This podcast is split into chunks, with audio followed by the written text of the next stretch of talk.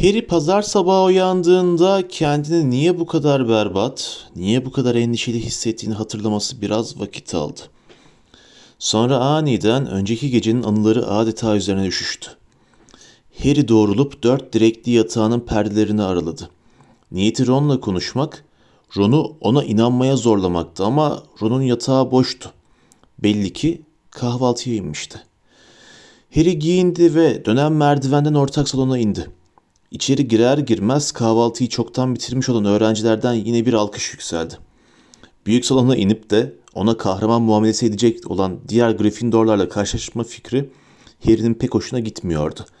Ama ya onu tercih edecek ya da burada kalıp kendilerine katılması için çılgınca el kol hareketleri yapan Creevy kardeşlere yakalanacaktı. Kararlı adımlarla portreye doğru yürüdü, itip açtı ve dışarı çıktı. Karşısında Hermione duruyordu. Merhaba dedi Hermione elinde peçeteye sarılı birkaç tostla. Bunu sana getirdim. Biraz yürümek ister misin? İyi fikir dedi Harry minnetle. Aşağı indiler ve büyük salona hiç göz atmadan çabucak giriş salonundan geçtiler. Az sonra çimlerin üstünden göle doğru yürüyorlardı. Darmstrang gemisi göle demir atmış, suyun yüzeyinde kara yansımalar oluşturuyordu.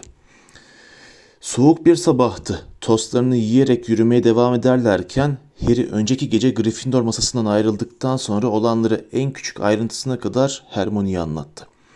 Hermione hikayesini sorgusuz sualsiz kabul edince çok rahatladı. Eh, kendin katılmadığını biliyordum tabii, dedi kız. Harry odadaki sahneyi anlatmayı bitirdiğinde. Dumbledore adını okuduğunda yüzündeki ifadeyi bir görebilseydin. Asıl mesele sen adını kim koydu? Çünkü Moody haklı Harry. Bunu bir öğrencinin yapmış olabileceğini sanmıyorum. Kadehi hayatta kaldıramazlardı. Ayrıca Dumbledore'un koyduğu engeli de. Ron'u gördün mü? diye lafını kesti Harry. Hermione tereddüt etti. Şey, evet kahvaltıdaydı. Hala kendim katıldığımı mı düşünüyor? Şey, hayır sanmıyorum. Aslında hayır dedi Hermione. Ne söyleyeceğini bilemeyerek. Aslında hayır da ne demek? Aman Harry çok belli değil mi? dedi Hermione sabırsızca. Kıskanıyor. Kıskanıyor mu? dedi Harry inanamayarak. Neyi kıskanıyormuş? Kendini bütün okulun önünde maskara etmek mi istiyormuş? Bak dedi Hermione sabırla. İlgiyi toplayan hep sensin. Bunu biliyorsun.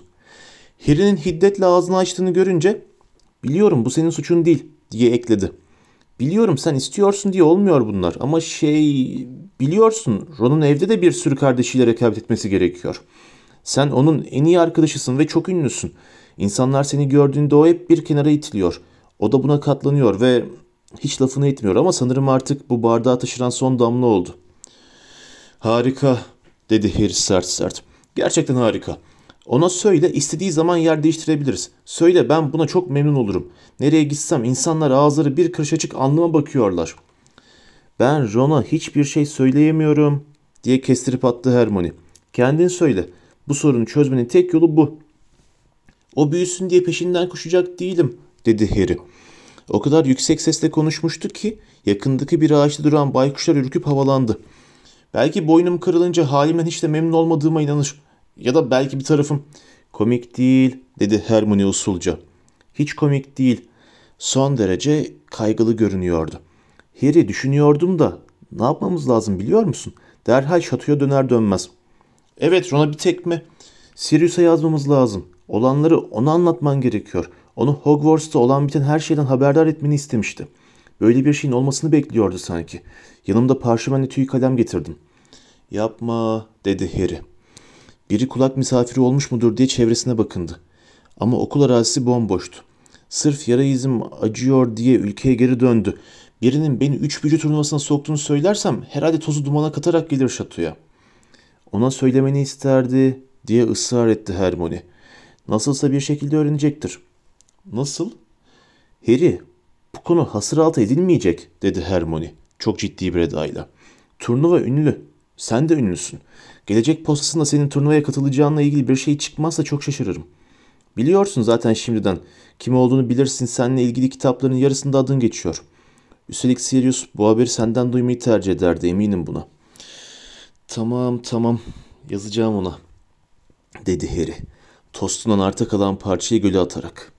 Orada öylece durup ekmek parçasının suyun üzerinde yüzmesini seyrederlerken sudan büyük bir dokunaç uzandı ve onu yüzeyin altına çekti. Sonra ikisi geri dönüp şatoya gittiler. Kimin baykuşunu kullanacağım dedi Harry merdiveni çıkar, çıkarlarken. Bir daha Hidvik'i kullanma demişti. Ron'a sorsana bakalım onunkine ödünç. Ron'dan hiçbir şey istemem diye noktayı koydu Harry. Eh okul baykuşlarından birini al o zaman onları herkes kullanabiliyor dedi Hermione. Baykuşhaneye çıktılar. Hermione Harry'e bir parşömen parçası, bir tüy kalem ve bir şişe mürekkep verdi. Sonra da sıra sıra tüneklerin arasına dolaşıp çeşit çeşit baykuşlara baktı. Bu arada Harry de bir duvarın dibine oturup mektubunu yazdı. Sevgili Sirius, Hogwarts'ta olan biten her şeyden seni haberdar etmemi söylemiştin. İşte ben de ediyorum. Duydun mu bilmiyorum ama bu yıl 3 büyücü turnuvası düzenleniyor ve cumartesi gecesi ben 4. şampiyon olarak seçildim. Adımı ateş kadeğine kim koydu bilmiyorum. Çünkü ben koymadım. Öteki Hogwarts şampiyonu Hufflepuff'tan Cedric Diggory. O anda durup düşündü. Önceki geceden beri böğrüne yerleşen o devasa kaygı konusunda bir şeyler söylemek istiyordu. Ama bu hissi sözcüklere nasıl dökeceğini bilmiyordu. Bu yüzden tüy kalemini mürekkep şişesine bir kez daha batırıp şöyle yazdı. Umarım iyisindir. Şahgagada. Harry. Bitti dedi Hermione'ye. Ayağa kalkıp cübbesinin üstündeki samanları temizledi. Bunun üzerine Hedwig uçarak gelip omzuna kondu ve bacağını uzattı. Seni kullanamam dedi Harry. Okul baykuşlarına göz gezdirdi. Bunlardan birini kullanmak zorundayım. Hedwig kulak tırmalayıcı bir sesle öttü. Sonra öyle ani yükseldi ki pençeleri Harry'nin omzunu kesti. Harry mektubunu iri bir hüt hüt kuşunun bacağına bağlarken Hedwig sırtı ona dönük oturdu. Hüt hüt kuşu uçup gittikten sonra Harry uzanıp Hedwig'i okşamak istedi. Ama o hiddetle gagasını şaklattı ve çatı kirişlerine doğru yükselip gitti. Önce Ron sonra da sen dedi Harry kızgın kızgın. Bu benim suçum değil. Harry insanlar onun şampiyon olduğu fikrine alışınca işler biraz düzelir sanmıştı belki. Ama ertesi gün ne kadar yanıldığı ortaya çıktı. Artık derslere döndüğü için okulun geri kalanını görmezden gelemiyordu. Ve belli ki okulun geri kalanı da tıpkı Gryffindorlar gibi Harry'nin kadeh adını kendisinin koyduğuna inanıyordu. Ancak Gryffindorların aksine onlar bunu pek hoş karşılamışa benzemiyorlardı. Genellikle Gryffindorlarla arası çok iyi olan Hufflepuff'lar şimdi hepsine karşı çok soğuk davranıyorlardı. Bu durumun açıkça ortaya çıkması için bir bitki bilim dersi yetti. Belli ki Hufflepuff'lar Harry'nin şampiyonlarının zaferine gölge düşürdüğünü düşünüyorlardı. Hufflepuff binasının tarihinde zaten çok az zafer vardı. Bu az sayıdaki zaferlerden birini onlara yine Cedric'in Gryffindor'u Quidditch değinerek kazandırmış olması kırgınlıklarını daha da artırıyordu. Normalde Harry'nin çok iyi geçindiği Ernie Macmillan ve Justin Finch Fletcher sıçrayan soğanların saksılarını değiştirirken aynı tepsiyi kullanmalarına rağmen onunla konuşmadılar. Ama sıçrayan soğanlardan biri Harry'nin elinden fırlayıp yüzüne çarpınca sevimsiz sevimsiz gülmeyi ihmal etmediler. Ron da Harry ile konuşmuyordu. Hermione ikisinin ortasında oturuyor, kendini zorlayarak bir sohbet ortamı yaratmaya çalışıyordu. Her ne kadar ikisi de normal cevaplar verseler de göz göze gelmekten kaçınıyorlardı. Harry Profesör Sprout'un bile ona mesafeli davrandığını düşünüyordu ama o da zaten Hufflepuff bina sorumlusuydu. Normal koşullar altında Harry Hagrid'le görüşmeyi iple çekerdi. Ne var ki sihirli yaratıkların bakımı dersi demek Slytherinlerle bir arada olmak demekti. Şampiyon seçildiğinden beri onlarla ilk kez yüz yüze gelecekti. Tahmin edilebileceği üzere Malfoy Hagrid'in kulübesine vardığında yine pis pis sırıtıyordu. Harry'nin işitme menziline girer girmez ''Aa çocuklar bakın şampiyon'' dedi Krabby ve Goyla. ''İmza albümleriniz yanınızda mı? İmzasını hemen alsanız iyi olur çünkü pek uzun süre bizimle kalacağını sanmıyorum. Tarihteki üç büyücü şampiyonlarının yarısı ölmüştür. Sence sen ne kadar dayanacaksın Potter?'' İddiaya varım ilk görevin 10. dakikasını çıkaramazsın. Krabby ve Goyle dal kavukça güldüler. Ama Malfoy daha ileri gidemedi. Çünkü Hagrid kucağında sandıklardan oluşan bir kule ile kulübesinin köşesine dönmüştü. Sandıkların her birinin içinde çok iri bir patlar uçlu keleker vardı. Hagrid dehşete düşmüş olan sınıfa kelekerlerin birbirlerini öldürme nedeninin fazladan enerji birikmesi olduğunu, çözümünde her öğrencinin bir kelekere tasma takıp kısa bir yürüyüşe çıkarmasında yattığını açıkladı. Ya bu planın tek iyi yanı Malfoy'un dikkatini tamamen başka yöne çekmesiydi. Kutulardan birinin içine bakarak bu şeyi yürüyüşe çıkarmak ha? dedi tiksinti dolu bir sesle. Peki ya tasmayı nereye geçireceğiz? İğneye mi? Patlar ucuna mı yoksa vantuzuna mı? Ortaya bir yere dedi Hagrid. Nasıl yapılacağını göstererek. Şey evet belki ejderha derisi eldivenlerinizi taksanız iyi olur. Hani iyicene güvenli olsun diye. Harry gel de şu iri olanı bağlamada bana yardım et. Ancak Hagrid'in asıl niyeti Harry ile sınıftaki diğer öğrencilerden uzak bir yerde konuşmaktı. Herkes kendi kelekeriyle uzaklaşana dek bekledi. Sonra da Harry'e dönüp çok ciddi bir sesle ''Ee katılıyorsun Harry'' dedi. ''Turnuvaya yani okul şampiyonu.'' ''Şampiyonlardan biri'' diye düzeltti Harry. Hagrid'in çalı gibi kaşlarının altındaki böcek karası gözleri çok kaygılı görünüyordu. ''Adını kadeye kim koydu hiçbir fikrin yok mu Harry?'' ''Benim koymadığıma inanıyor musun yani?'' dedi Harry. Hagrid'in sözlerinin içinde yarattığı minnettarlık hissinin yüzüne vurmamasını zar zor engelledi. Tabii inanıyorum diye homurdandı Hagrid. Yapmadım diyorsun. Ben de sana inanıyorum. Dumbledore falan da inanıyor. Keşke kimin yaptığını bilseydim dedi Harry. İkisi öylece durup çimenliğe baktılar. Öğrenciler şimdi iyice dağılmıştı. Hepsi de çok zor durumdaydı. Boyları bir metreye erişmiş olan kelekerler çok güçlüydü. Artık kabuksuz ve renksiz değillerdi. Üstlerinde kalın, grimsi parlak bir zırh çıkmıştı dev akreplerle çekip uzatılmış yengeçlerin karışımına benziyorlardı ama görünürde hala kafaları ya da gözleri yoktu. Çok kuvvetlenmişlerdi. Onları kontrol altında tutmak çok zordu. Görünüşe bakılırsa bayağı eğleniyorlar ne dersin ha? dedi Hagrid mutlu mutlu. Harry onun kelekerlerden bahsettiğine karar verdi çünkü sınıf arkadaşlarının eğlenmediği kesindi. Arada bir endişe verici bir bam sesi çıkıyor, kelekerlerden birinin ucu patlıyor ve keleker birkaç metre öteye fırlıyordu. Onun arkasından birkaç kişi karnın üstünde sürükleniyor, çaresizce yeniden ayağa kalkmaya çabalıyordu. Of bilmiyorum Harry, dedi iç geçirdi Hagrid birden. Harry'e bakan yüzünde kaygılı bir ifade vardı. Okul şampiyonu. Her şey de senin başına geliyor gibi değil mi? Harry yanıt vermedi. Evet her şey onun başına geliyor gibiydi. Gölün çevresinde yürürlerken Hermione de aşağı yukarı bunu söylemişti. Ve yine Hermione'ye göre Ron'un Harry'e küsmesi nedeni de buydu. Sonraki birkaç gün Harry'nin Hogwarts'ta geçirdiği en kötü günler arasındaydı. Sadece ikinci sınıfta geçirdiği o kötü aylar şimdikiyle kıyaslanabilirdi. O sıralar okulun büyük bir bölümü onun diğer öğrencilere saldırdığından şüphelenmişti. Ancak o zaman Ron onun tarafındaydı. Ron yine arkadaşı olsa bütün okulun davranışlarına katlanabilirdi. Ama Ron istemiyorsa Harry de gidip onu kendisiyle barışsın diye ikna etmeye çalışacak değildi. Öte yandan her taraftan üzerine antipati akarken İnsan kendini çok yalnız hissediyordu. Hufflepuff'ların tavrını beğenmese de anlayabiliyordu. Onların destekleyecek kendi şampiyonları vardı. Slytherinlerden gelen acımasız hakaretleri de bekliyordu zaten. O binanın öğrencileri arasına hiçbir zaman sevilmedi. Çünkü Gryffindor'un onları hem Quidditch'te hem de binalar arası şampiyona defalarca yenmesinde önemli payı olmuştu. Ama Ravenclaw'ların kalplerini dinleyip de onu onu da Cedric kadar destekleyeceklerini ummuştu. Ne var ki yanılmıştı. Ravenclaw'ların çoğu Harry'nin biraz daha şöhrete kavuşabilmek için kadehi kandırıp adını kabul ettirdiğini düşünüyordu. Bir de Cedric'in şampiyonu ondan çok daha fazla benzediği gerçeği vardı.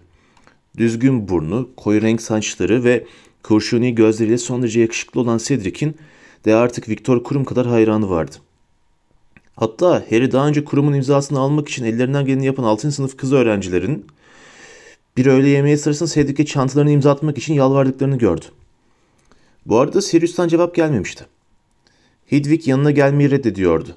Profesör Trelawney onun öleceğine dair kehanetine her zamankinden de çok güveniyordu. Ve Profesör Flitwick'in dersinde çağırma büyüsünde öyle kötüydü ki fazladan ev ödevi aldı. Neville dışında bir tek kendisi fazladan ev ödevi almıştı. Flitwick'in dersinden çıkarlarken Hermione ona cesaret vermek istercesine ''O kadar da zor değil Harry dedi. Hermione bütün ders boyunca sınıfın her tarafındaki nesneleri kendisine doğru çekip uçurup durmuştu. Tahta silgilerini, çöp sepetlerini ve ice kopları çeken bir mıknatıs gibiydi. Doğru düz konsantre olamıyordun o kadar. Neden acaba dedi Harry sıkıntıyla. Cedric Diggory yanlarından geçiyordu. pişmiş kelle gibi sırıtan kızlarla çevriliydi. Kızların hepsi de Harry'e sanki çok iri bir patlar uçlu kelekermiş gibi baktı. Aman boş vereyim değil mi? Nasılsa bu öğleden sonra her zaman iple çektiğim bir şey var. Üst üste iki ders iksir. Gerçi üst üste iki ders iksire girmek her zaman korkunç bir deneyimdi. Ama şu sıralar iyiden iyiye işkence halini almıştı. Snape'le ve Slytherin'lerle birlikte bir buçuk saat boyunca bir zindanda kapalı kalmak. Harry'nin aklına gelip gelebilecek en nahoş şeydi. Slytherin'lerin hepsi de Harry'i okul şampiyonu olmaya cüret ettiği için ellerinden geldiğince cezalandırmaya kararlı görünüyordu. Zaten koca bir cuma günü boyunca Hermione yanında oturup sürekli aldırma onlara, aldırma onlara, aldırma onlara diye fısıldayıp durmuştu. Bugünün daha iyi geçmesi için de bir neden göremiyordu. Öğle yemeğinden sonra Hermione ile birlikte Snape'in zindanına vardıklarında Slytherin'lerin dışarıda bekleştiğini gördüler. Hepsi de cübbesinin göğsüne büyük bir rozet tutturmuştu. Harry bir an çılgın bir düşünceye kapılarak onların E, R, I, T rozetleri olduğunu sandı. Ama sonra hepsinin üstünde yeraltı geçitinin loşluğunda parıldayan ışıl ışıl kırmızı harflerle aynı yazının bulunduğunu gördü. Cedric Diggory'i destekle, gerçek Hogwarts şampiyonunu. Hoşuna gitti mi Potter? dedi Malfoy yüksek sesle Harry yaklaşırken. Tek yapabildikleri de bu değil bak. Rozeti göğsüne bastırınca üstündeki yazı kayboldu ve yerine yeşil yeşil parlayan yeni bir yazı belirdi. Dandik Potter. Silterinler uluya uluya gülmeye başladılar. Hepsi aynını yapıp rozetini göğsüne bastırdı ve Harry'nin çevresi parıldayan Dandik Potter yazılarıyla doldu. Harry yüzünün ve sesinin kızarmaya başladığını hissediyordu. Hermione herkesten daha çok gülen Pansy Parkinson ve Slytherin kız grubuna aman ne komik dedi alaylı bir ses tonuyla. Gerçekten çok esprili. Ron, Dean ve Seamus'la birlikte duvarın yanında duruyordu. Gülmüyordu ama Harry'e arka çıkıyor da değildi. Sen de bir tane ister misin Granger? dedi Malfoy Hermione'ye bir rozet uzatarak. Bende bir sürü var ama şu anda elime dokunma en iyisi. Daha yeni yıkadım. Bir bulanığın kirletmesini istemem. Harry'nin günlerdir duyduğu kızgınlık göğsündeki bir barajı yıkıp dışarı püskürmüştü sanki. Daha kendine de ne yaptığını farkına varamadan eli asasına gitmişti. Çevrelerindeki insanlar önlerinden kaçıp koridorda gerilemeye başladılar. Harry dedi Hermione uyaran bir sesle. Hadi Potter dedi Malfoy sakin sakin. O da kendi asasını çıkardı. Burada sana göz kulak olacak Moody yok. Davran gözün yiyorsa. Bir an için birbirlerinin gözlerinin içine baktılar. Sonra aynı anda ikisi de harekete geçti. Furnunculus diye bağırdı Harry. Dance away go diye bağırdı Malfoy. İki asadan da ışık huzmeleri fırladı. Havada birbirlerine çarpıp yön değiştirdiler. Harry'ninki Goyle'un yüzüne, Malfoy'unki de Hermione'ye isabet etti. Goyle böğürüp ellerini burnuna götürdü. Burnunda kocaman, iğrenç çıbanlar çıkmaya başlamıştı. Panik içinde inildeyen Hermione ise ağzını eliyle kapatmıştı. Hermione, Ron onun nesi olduğuna bakmak için hızla fırlamıştı. Harry döndü ve Ron'un Hermione'nin elini ağzından çektiğini gördü. Hiç hoş olmayan bir manzara değildi. Hermione'nin zaten normalden daha iri olan ön dişleri şimdi endişe verici bir hızla uzuyordu. Kız gitgide bir kunduza benzemeye başlamıştı. Dişleri uzadı, uzadı. Alt dudağını geçti, çenesine vardı. Panik içindeki Hermione onlara dokununca dehşet dolu bir çığlık koyuverdi. Bu tantananın sebebi nedir? dedi yumuşak, ölümcül bir ses. Snape gelmişti. Slytherinler yaygara koparıp açıklama yarışına giriştiler. Snape uzun, sarı parmağını Malfoy'a doğrultarak ''Açıkla'' dedi. ''Potter bana saldırdı efendim.'' ''Birbirimize aynı anda saldırdık.'' diye bağırdı Harry. ''Ve Goyle'u vurdu, bakın.'' Snape Goyle'u inceledi. Goyle'un yüzünün şu halinin resmi zehirli mantarlarla ilgili bir kitaba konsa kimse yadırgamazdı. Hastane kanadına Goyle dedi Snape sakin sakin. Malfoy da Hermione'yi vurdu dedi Ron. Bakın. Snape'e dişlerini göstermesi için Hermione'yi zorladı. Hermione elleriyle onları saklamak için çırpınıyordu. Ama yaka hizasını geçmiş oldukları için bu hayli güç bir işti. Pansy Parkinson ve diğer Slytherin kızları Snape'in arkasında sessiz kahkahalardan iki büklüm olmuş, parmaklarıyla Hermione'yi gösteriyorlardı. Snape Hermione'ye soğuk soğuk baktı ve ben bir fark göremiyorum dedi.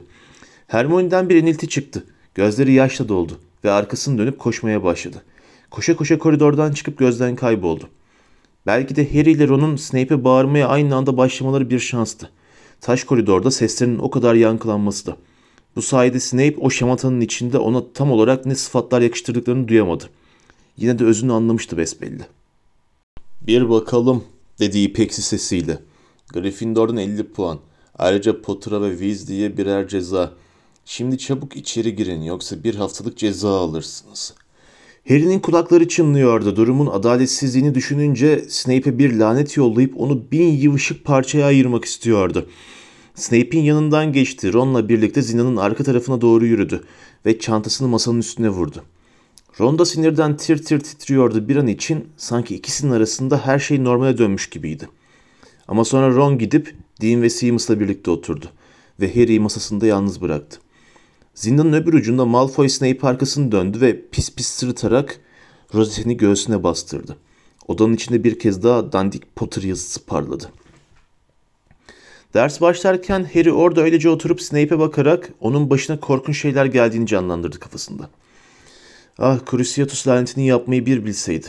Snape'i tıpkı örümcek gibi yerde sırt üstü süründürür, titretir, kasardı.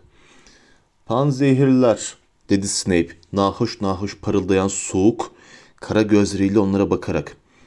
Şimdiye kadar hepinizin tariflerinizi hazırlamış olmanız gerekiyordu. Hepinizin panzehirini dikkatlice karıştırmasını istiyorum. Bir tanesini test etmek için aranızdan birini seçeceğiz. Snape Harry ile göz göze geldi ve Harry o anda başına gelecekleri anladı. Snape onu zehirleyecekti. Harry kazanını alıp koşarak sınıfın ön tarafına gittiğini ve kazanın içindekileri Snape'in yağlı kafasını aşağı boca ettiğini hayal etti. Tam o anda birisi zindan kapısını çaldı ve Harry'nin düşünceleri dağıldı. Gelen Colin Creevey'di. Harry'e gülen gözlerle bakarak usulca içeri girdi ve Snape'in masasına doğru yürüdü. Evet, dedi Snape. İzninizle efendim Harry Potter'ı yukarı götürmem gerekiyor. Snape kanca burnunun üzerinden Colin'e dik dik baktı. Colin'in hevesli yüzündeki gülümseme kayboldu. Potter'ın iksir dersine bitmesine daha bir saat var, dedi Snape soğuk soğuk. Ders bitince yukarı gelir. Colin hafifçe kızardı. Efendim efendim onu Bay Beckman istiyor, dedi tedirgin bir sesle. Bütün şampiyonların gitmesi gerekiyor. Sanırım fotoğraf çekmek istiyorlar. Harry Colin'in o son birkaç kelimeyi söylememesi için sahip olduğu her şeyi verebilirdi. Cesaret edip göz ucuyla Ron'a baktı ama Ron gözlerini kararlı bir şekilde tavana dikmişti. Peki, peki dedi Snape sinirle. Potter eşyalarını burada bırak. Daha sonra panzerini denemek için buraya dönmeni istiyorum. Efendim lütfen eşyalarını da alması gerekiyor dedi Colin cik cik bir sesle. Bütün şampiyonlar. Peki tamam dedi Snape. Potter çantanı da al da kaybol gözümün önünden. Harry çantasını sırtına attı, kalkıp kapıya gitti. Silterinlerin sıraların arasından yürürken her tarafta dandik Potter yazıları parlıyordu. Harry zindan kapısını arkasından kapatır kapatmaz konuşmaya başlayan Colin, ''İnanılmaz bir şey değil mi Harry?'' dedi. ''Değil mi ama yani şampiyon seçilmen?'' ''Evet gerçekten inanılmaz.'' dedi Harry ağır ağır. Giriş salonunun basamaklarına doğru yürürlerken. ''Niçin fotoğraf istiyorlar Colin?'' ''Sanırım gelecek posası için.'' ''Harika.'' dedi Harry donuk bir sesle. Bir bu eksikti. Daha çok reklam. Gidecekleri odaya vardıklarında Colin, ''İyi şanslar.'' dedi. Harry kapıyı çalıp içeri girdi. Oldukça küçük bir sınıfa gelmişti. Sıraların çoğu odanın arka tarafına itilmiş, ortada geniş bir açıklık oluşturulmuştu. Sadece üç sıra kara tahtanın önünde yan yana dizilmiş ve üstlerine uzun bir kadife örtü örtülmüştü. Kadife kaplı sıraların arkasına beş sandalye yerleştirilmişti. Bunlardan birinde Ludo Bagman oturmuş, Harry'nin daha önce hiç görmediği bordo cübbeli bir cadıyla konuşuyordu. Viktor Krum her zamanki gibi düşünceli bir halde bir köşede oturuyor ve kimseyle konuşmuyordu. Cedric ve Fleur sohbet ediyorlardı. Fleur Harry'nin o zamana kadar gördüğünden çok daha mutlu görünüyordu. Başını arkaya atıp duruyor, böylece uzun, gümüşi saçları ışıkta parıldıyordu. Elinde hafif hafif tüten büyük, siyah bir fotoğraf makinesi tutan şiş göbekli bir adam, gözünün ucuyla Fleur'u izliyordu. Beckman birden Harry'i fark etti ve çabucak ayağa kalkıp ona doğru ilerledi. Ha işte geldi. Dördüncü şampiyon. Gel bakalım Harry gel bakalım. Endişelenecek bir durum yok. Sadece asa tartma töreni yapılacak. Diğer jüri üyeleri de birazdan burada olur. Asa tartma mı? dedi Harry gergin bir şekilde. Asalarınızın tamamen işler durumda olduğu, olup olmadığını kontrol etmemiz gerekiyor. Bir sorun falan çıkmasın diye. Çünkü biliyorsun, önünüzdeki görevlerde kullanacağınız en önemli araç onlar, dedi Beckman. Uzman şu an yukarıda, Dumbledore'la birlikte. Sonra da küçük bir fotoğraf çekimi olacak. Bu Rita Skeeter, diye ekledi. Bordo cübbeli cadıyı işaret ederek. Gelecek postası için turnuva ile ilgili küçük bir yazı hazırlıyor. Belki o kadar da küçük olmaz Ludo, dedi Rita Skeeter. Harry'den gözlerini ayırmadan. Saçının şatafatlı ve tuhaf bir şekilde sert bukleleri iri çeneli yüzüyle tuhaf bir tezat oluşturuyordu. Gözündeki gözlük mücevherlerle bezeliydi. Timsah derisi el çantasını tutan kalın parmakların ucunda 5 santimlik kırmızıya boyanmış tırnaklar vardı. Başlamadan Harry ile biraz konuşabilir miyim?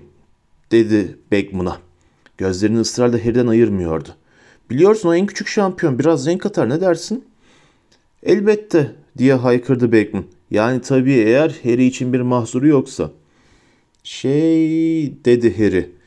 Harika diye lafını kesti Rita Skeeter. Bir anda kırmızı tırnaklı parmakları Harry'nin kolunu şaşırtıcı bir kuvvetle kavramıştı. Onu odadan dışarı sürükledi ve yakındaki bir kapıyı açtı. O gürültünün ortasında olmayı istemeyiz herhalde dedi. Bakayım evet burası güzel samimi bir yer. Orası bir süpürge dolabıydı. Harry gözlerini ona çevirdi. Gel canım işte böyle harika dedi Rita Skeeter. Ters dönmüş bir kovanın üstüne tasasızca tünedi. Harry'i mukavva bir kutunun üstüne oturttu ve kapıyı kapattı. İçerisi karanlığa büründü. Şimdi dur bakayım. Timsah derisi çantasını açtı ve içinden bir avuç dolusu mum çıkardı. Asasını şöyle bir sallayıp mumları yaktı. Sonra da çevrelerini görebilsinler diye onları sihirli bir şekilde kaldırıp havada asılı durmalarını sağladı. Harry, test tekrar tüyü kullanmama bir itirazın yoktur herhalde. Bu sayede elim boş kalır ve seninle normal bir şekilde konuşabiliriz. Ne tüyü ne tüyü? dedi Harry. Rita Skeeter'ın gülümsemesi bir bütün yüzünü kapladı. Harry üç tane altın diş saydı. Rita Skeeter elini bir kez daha çantasına sokup asit yeşili uzun bir tüy kalem ve bir rulo parşömen çıkardı. Parşömeni Bayan Scover'ın her amaca uygun sihirli pislik gidericisiyle dolu bir sandığın üzerine koyup açtı. Yeşil tüy kalemin ucunu ağzına sokup gözle görülür bir hazla bir süre emdikten sonra parşömenin üzerine dimdik koydu. Tüy kalem hafifçe titreyerek ucunun üstünde dengede durdu. Deneme. Benim adım Rita, Rita Skeeter, gelecek postası muhabiri. Harry hemen tüy kaleme baktı. Rita Skeeter konuşur konuşmaz yeşil tüy kalem parşömenin üzerine gezinerek bir şeyler yazmaya başlamıştı. Amansız tüy kalemin nice şöhret balonu patlatan 43 yaşındaki çekici sarışın Rita Skeeter. Rita Skeeter yine harika dedi. Parşömenin üst kısmını yırtıp buruşturdu ve çantasına tıktı. Sonra da Harry'e doğru eğilip ''E Harry'' dedi. Üç bücü turnuvasına girme kararı nasıl verdin? Şey dedi Harry yine ama o tüy kalem dikkatini dağıtıyordu. Henüz o konuşmaya başlamadığı halde parşömenin üzerine son sürat geziniyordu. Harry'nin gözü tüy kalemin yazmakta olduğu cümleye gitti. Trajik bir geçmişin yadigarı olan çirkin bir yara izini saymazsanız Harry Potter'ın çekici bir yüzü var. Gözleri ise tüy kalemi aldırma Harry dedi Rita Skeeter sert bir sesle. Harry isteksizce başını kaldırıp gözlerini ona dikti. Pekala, neden turnuvaya girmeye karar verdin Harry? Vermedim, dedi Harry. Nasıl oldu da aklım ateş kadeğine girdi bilmiyorum, ben koymadım. Rita Skeeter epey kalem çekilmiş olan kaşlarından birini kaldırdı. Yapma Harry, başını belaya ya girecek diye korkmana gerek yok. Turnuvaya hiç girmemiş olman gerektiğini hepimiz biliyoruz. Ama bu konuda endişelenme. Okurlarımız asilere bayılır. Ama ben koymadım diye tekrarladı Harry. Kim yaptı bilmiyorum. Seni bekleyen görevler konusunda kendini nasıl hissediyorsun? dedi Rita Skeeter. Heyecanlı mısın? Gergin misin? Pek düşünmedim. Evet, gerginim sanırım, dedi Harry. Konuşurken içi rahatsız edici bir şekilde burkuluyordu. Geçmişte ölen şampiyonlar olmuş değil mi? dedi Rita Skeeter canlı bir sesle. Bu konuyu hiç düşündün mü? Şey, bu yıl çok daha güvenli olacak diyorlar, dedi Harry. Tüy kalem ikisinin arasındaki parşömenin üstünde paten yaparcasına kayıp duruyordu. Tabii ki daha önce de ölümün gözlerinin içine bakmıştın, öyle değil mi? dedi Rita Skeeter. Onu dikkatle izleyerek. Sence bu seni nasıl etkiledi? Şey, dedi Harry yine. Sence geçmişindeki bu travma sende kendini kanıtlama arzusu yaratmış olabilir mi? Şöhretine layık olma arzusu. Sence üç büyücü turnuvasına girmek istemenin nedenlerinden biri de ben kendim girmedim dedi Harry. Sinirlenmeye başlamıştı. Annenle babanı hatırlayabiliyor musun hiç? dedi Rita Skeeter Harry'nin tepesinden. Hayır dedi Harry. Sence üç büyücü turnuvasına katıldığını bilseler ne hissederlerdi? Gurur mu, endişe mi, kızgınlık mı? Harry'nin şimdi iyice canı sıkılmıştı. Annesiyle babasının hayatta olsalar neler hissedeceklerini o nereden bilecektik? Rita Skeeter'ın onu büyük bir dikkat izlediğini hissedebiliyordu.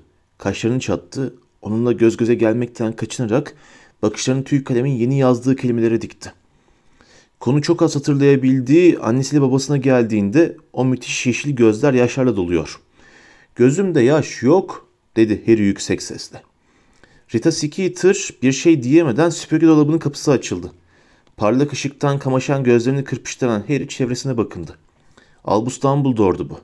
Orada durmuş, dolabın içine sıkış tıkış duran Rita ile Harry'e bakıyordu. Dumbledore diye haykırdı Rita. Sesinde belirgin bir sevinç vardı. Ama Harry tüy kalemle parşömenin sihirli pislik giderici sandığın üzerinden kaybolduğunu ve Rita'nın pençe gibi ellerinin timsah derisi çantasının ağzını alelacele kapadığını gördü. Nasılsın? dedi Rita ayağa kalkıp Dumbledore'a iyi iri erkeksi elini uzatarak. Umarım yazın Uluslararası Büyücüler Konfederasyonu Kongresi hakkında yazımı görmüşsündür. Enfes bir nahoşluğu vardı, dedi Dumbledore gözleri ışıldayarak. Özellikle beni antika bir kenar süsü olarak betimlemene bayıldım. Rita Skeeter'ın yüzünde en ufak bir mahcubiyet belirtisi yoktu. Sadece bazı fikirlerinin biraz eski moda olduğunu vurgulamak istemiştim Dumbledore. Sokaktaki büyücü. Kalabalığın arkasındaki mantığı duymak çok hoşuma gider Rita. Bu kabalığını anlamak, anlamış olurum dedi Dumbledore. Nezaketle eğilip selam verdi ve gülümsedi. Ama korkarım ki bu meseleyi daha sonraya bırakmamız gerekecek. Asa tartma töreni başlamak üzere ve şampiyonlarımızdan biri bu bir süpürge dolabındayken başlaması imkansız. Rita Skeeter'dan uzaklaşmaktan çok memnun olan Harry çabucak odaya döndü.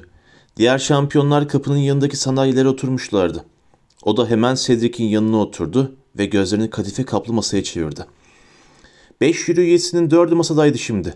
Profesör Karkaroff, Madame Maxim, Bay Crouch ve Ludo Bagman. Rita Skeeter gelip köşede bir yere oturdu. Harry onun parşömeni yeniden çantasından çıkarıp dizine yaydığını, test tekrar tüyünün ucunu emdiğini ve onu bir kez daha parşömenin üzerine yerleştirdiğini gördü. Dumbledore jüri masasındaki yerini alarak şampiyonlara dönüp size Bay Ollivander'ı takdim edeyim dedi. Asalarınızı kontrol edip turnuvadan önce iyi durumda olduklarına emin, ol- emin olmamızı sağlayacak.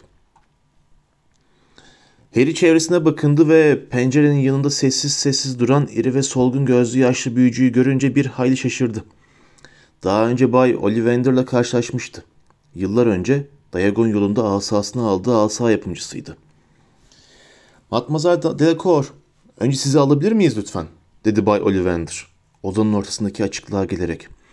Fleur Delacour, Bay Ollivander'ın yanına doğru azametle yürüdü ve asasını verdi. Hmm, dedi Bay Ollivander. Baston çevirirmiş gibi uzun parmaklarının arasında çevirdiği asadan bir takım pembe ve alan rengi kıvılcımlar çıktı. Sonra Bay Ollivander onu gözlerine yaklaştırıp dikkatlice incelemeye başladı. Evet, dedi usulca. 24 santim, esnemez, gül ağacından yapılma ve içinde de vay vay vay. Villa kafasından alınmış bir saç teli, dedi Flor. Büyük annemin saçından. Demek Flor'da gerçekten de biraz villalık var, diye düşündü Harry. Bunu Ron'a söylemek için aklının bir köşesine yazarak. Sonra Ron'un ona küs olduğunu hatırladı.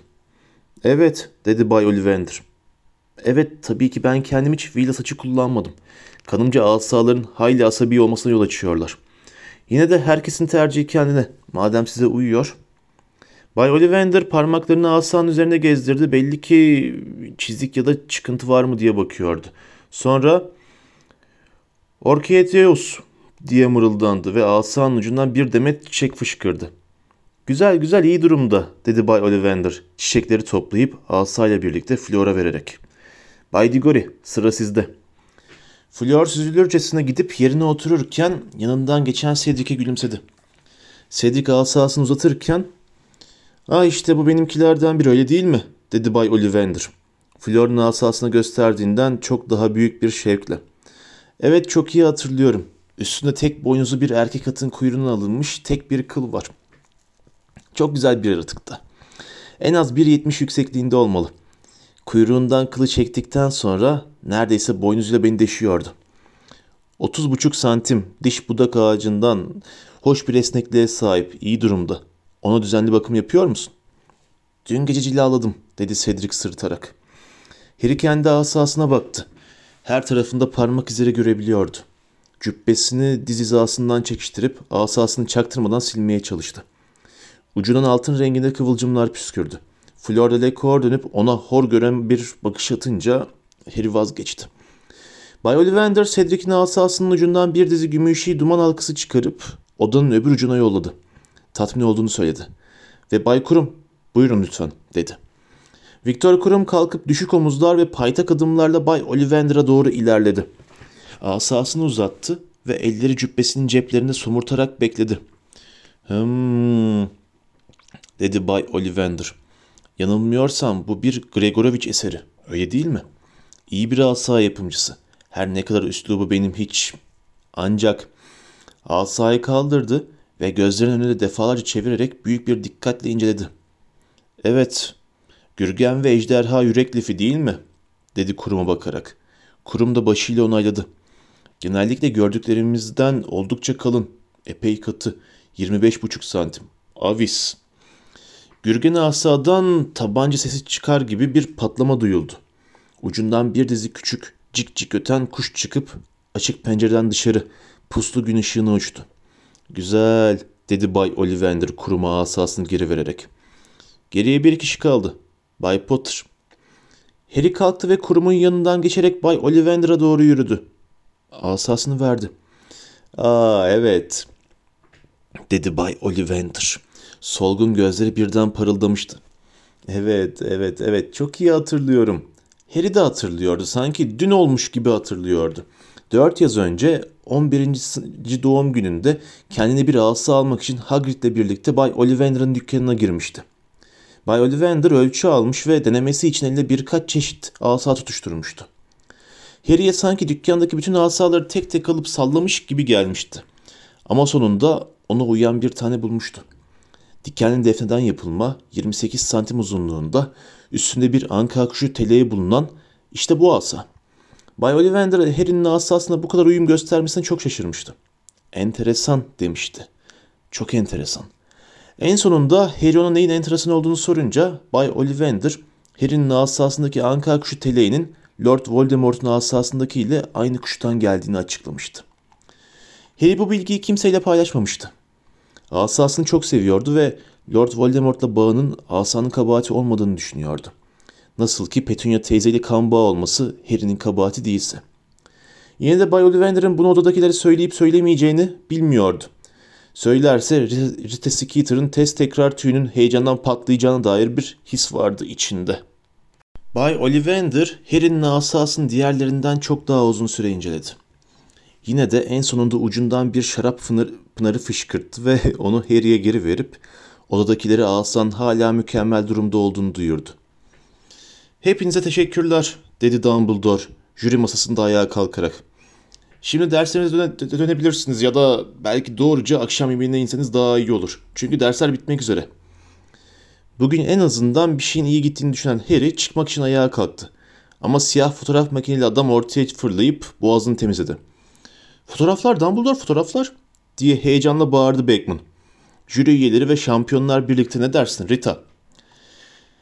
Ee, evet önce onları çekelim dedi Rita Skeeter. Gözleri yine Harry'nin üstündeydi. Belki sonra da tek tek çekeriz. Fotoğraf çekimi çok uzun sürdü. Madame Maxim nerede dursa yanındakilerin üstüne gölgesi düşüyordu. Ve fotoğrafçı onun çerçevenin içine alacak kadar geri gidemiyordu. Sonunda çevresindeki herkes ayakta dururken Madame Maxim oturmak zorunda kaldı. Karkarov keçi sakalını parmağıyla burup iyice kıvraklaştırmaya çalışıyordu. Harry'nin bu tür şeylere alışık olacağını sandığı kurumsa grubun arkasında yarı gizlenmiş halde duruyordu. Fotoğrafçı Flor'u en öne çıkarmaya çalışarak onu zorluyordu. Çok hevesli görünüyordu. Ama Rita Skeeter ikide bir gelip Harry'i önlere sürüklüyordu. Sonra da bütün şampiyonların ayrı ayrı fotoğraflarının çekilmesine ısrar etti. Nihayet iş bitti ve serbest kaldılar. Harry yemeğe indi. Hermione orada değildi. Harry onun dişlerini düzelttirmek için hala hastane kanadında olduğunu tahmin etti. Masanın bir ucuna tek başına yemeğini yedi. Sonra da yapması gereken çağırma büyüsü ödevini düşünerek Gryffindor kulesine döndü. Yatakhanede Ron'la karşılaştı. Harry içeri girer girmez Ron, sana bir baykuş geldi, dedi ters ters. Parmağıyla Harry'nin yastığını işaret ediyordu. Okula ait hüt hüt kuşu onu orada bekliyordu. Ha tamam, dedi Harry. Bir de yarın akşam cezaya kalıyoruz, Snape'in zindanında, dedi Ron. Sonra da Harry'e bakmadan odadan çıktı gitti. Bir an için Harry onun peşinden gitmeyi düşündü ama onunla konuşmayı mı yoksa ona bir tane patlatmayı mı istediğinden e- pek emin değildi. İki seçenek de oldukça cazip görünüyordu. Ama Sirius'un yanıtını çok merak ediyordu. Hızla hüt hüt kuşunun yanına gitti. Mektubu onun bacağından çıkardı ve açtı. Harry, söylemek istediklerimin hepsini bir mektupla söyleyemem. Baykuşun yakalanması halinde çok riskli olur bu. Yüz yüze konuşmamız gerekiyor. 22 Kasım sabahı saat 1'de Gryffindor Kulesi'ndeki şöminenin orada tek başına olabilir misin? Kendi başımın çaresine bakabileceğini ben herkesin iyi biliyorum. Hele Dumbledore'la Moody de oradayken kimsenin sana zarar verebileceğini sanmıyorum. Yine de anlaşılan birisi bu konuda elinden geleni ardına koymuyor. Seni o turnuvaya sokmak çok riskli bir iş olmuş olmalı. Özellikle de bunun Dumbledore'un burnunun dibinde yapıldığını düşünürsen. Tetikte ol Harry. Alışılmadık şeyler olursa duymak istiyorum hala. 22 Kasım konusunda da beni mümkün olduğunca çabuk haberdar et. Sirius.